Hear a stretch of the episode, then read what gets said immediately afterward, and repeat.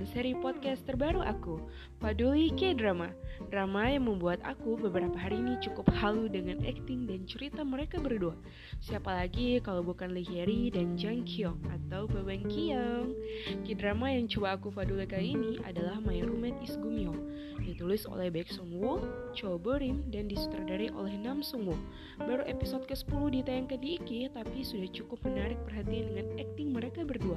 Disusul juga dengan drama yang lagi hangat-hangatnya di sosial media yaitu Nevertheless yang belum sempat ku tonton atau yang kalian ketahui si Songkang Songkang itu.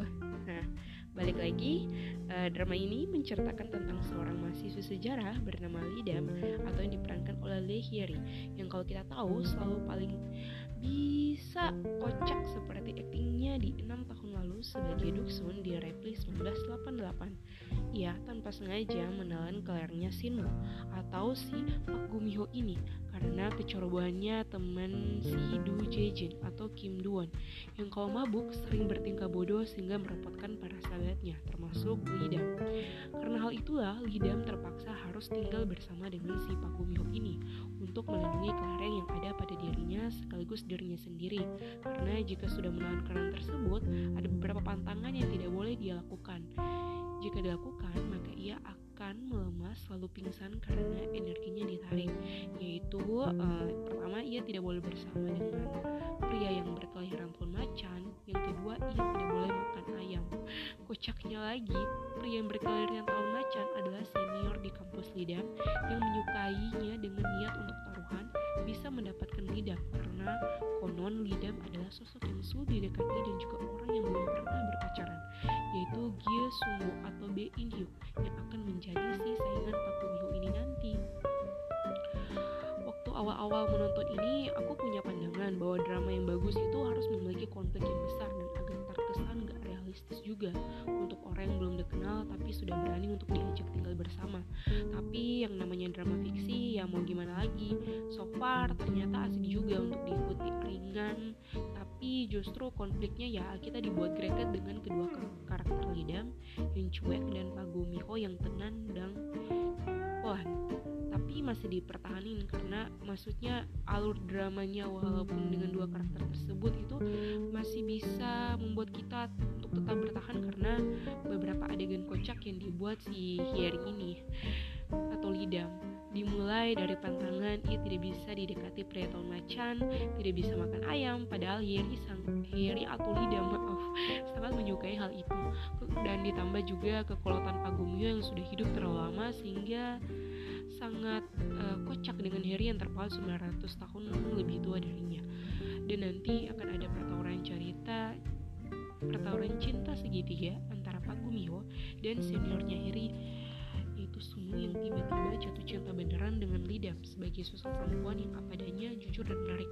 Karena mungkin wanita-wanita sebelumnya di strata sosial dia sudah terlalu dibuat-buat sehingga Harry atau Lidam ini mampu menarik hatinya dia.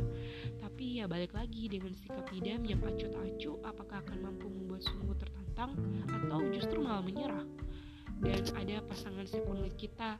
Biasanya pasangan second lead juga menarik untuk diikuti, yaitu si Kang Hana atau Yang Gisun yang sudah empat tahun menjadi manusia dan menjadi satu-satunya teman Pak Gumiho dan sering kali memberikan saran untuk menjadi manusia kepada Pak Gumiho ini. Namun terkadang sering dihina bodoh karena ia dibuat polos dan lelet di sini. Beda sekali dengan karakternya di startup. Oleh karena itu, uh, sehingga ia memiliki kemauan berkuliah di tempat yang sama dengan Lidam dan akhirnya ia bertemu dengan Kim Doan atau Do Jin ini yang juga pernah main di startup sebagai pria yang baik dan tulus sehingga terkesan bucin kepada mantan pacarnya. Inilah membuat akhirnya Yang Kisun mulai sedikit terpikat pada episode ke-10 dan di episode kemarin akhirnya setelah menunggu sebegitu sekian lama baru di episode ke-10 inilah akhirnya Pak Gumyo dan Lidam resmi berpacaran. Setelah Pak Gumiho mengembalikan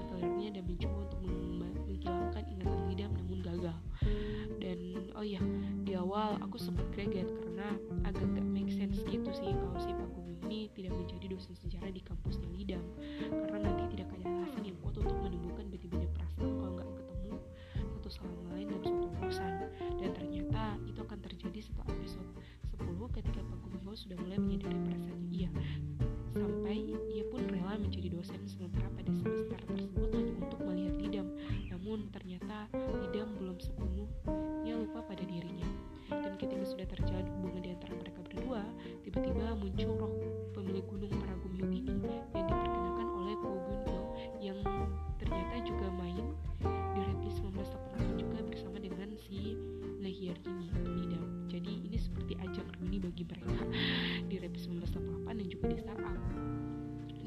Ko Gyunto ini atau si Rogun ini mengatakan bahwa jika ia tak segera menjadi manusia dalam sisa waktunya seribu tahun, maka um, si Gomyo ini akan gagal menjadi manusia dan justru sosoknya yang masih menjadi rubah bisa menjadi ancaman bagi Lidam karena sulit memisahkan antara rasa mencintai dan nafsu ia sebagai sosok rubah yang akan lapar sewaktu-waktu bisa saja muncul di kemudian hari.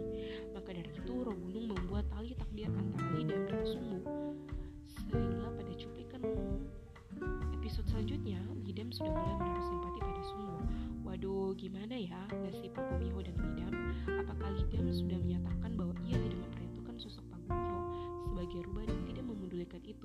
begitu pula sebaliknya Pak Gumiho juga merasa Lidam terlalu baik untuk mendapatkan dirinya sebagai seorang rubah duh so sweet banget sih. Dan kita memang dibuat mewek dengan mereka-mereka. Semoga saja kisah-kisah para Gumyo ini tidak ada set ending ya di antara kita. Khususnya Jang Kyung dan juga Lee Hyar ini. Ditambah lagi foto-foto promosi yang diunggah di akun sosial media mereka. Yang bikin kita cukup baper dan mikir Lee lebih cocok sama si Kyung ini daripada si Jumpa astagfirullah tapi ternyata mereka berdua masih masih kok masih menjalin hubungan. Hmm, semoga langgeng beneran ya. Oke okay, see you bye bye di peduli drama selanjutnya.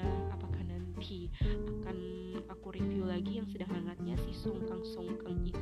Kupu-kupu jantan. Kupu-kupu jantan lebih berbahaya daripada buaya darat. Oke okay, sampai ketemu lagi cingu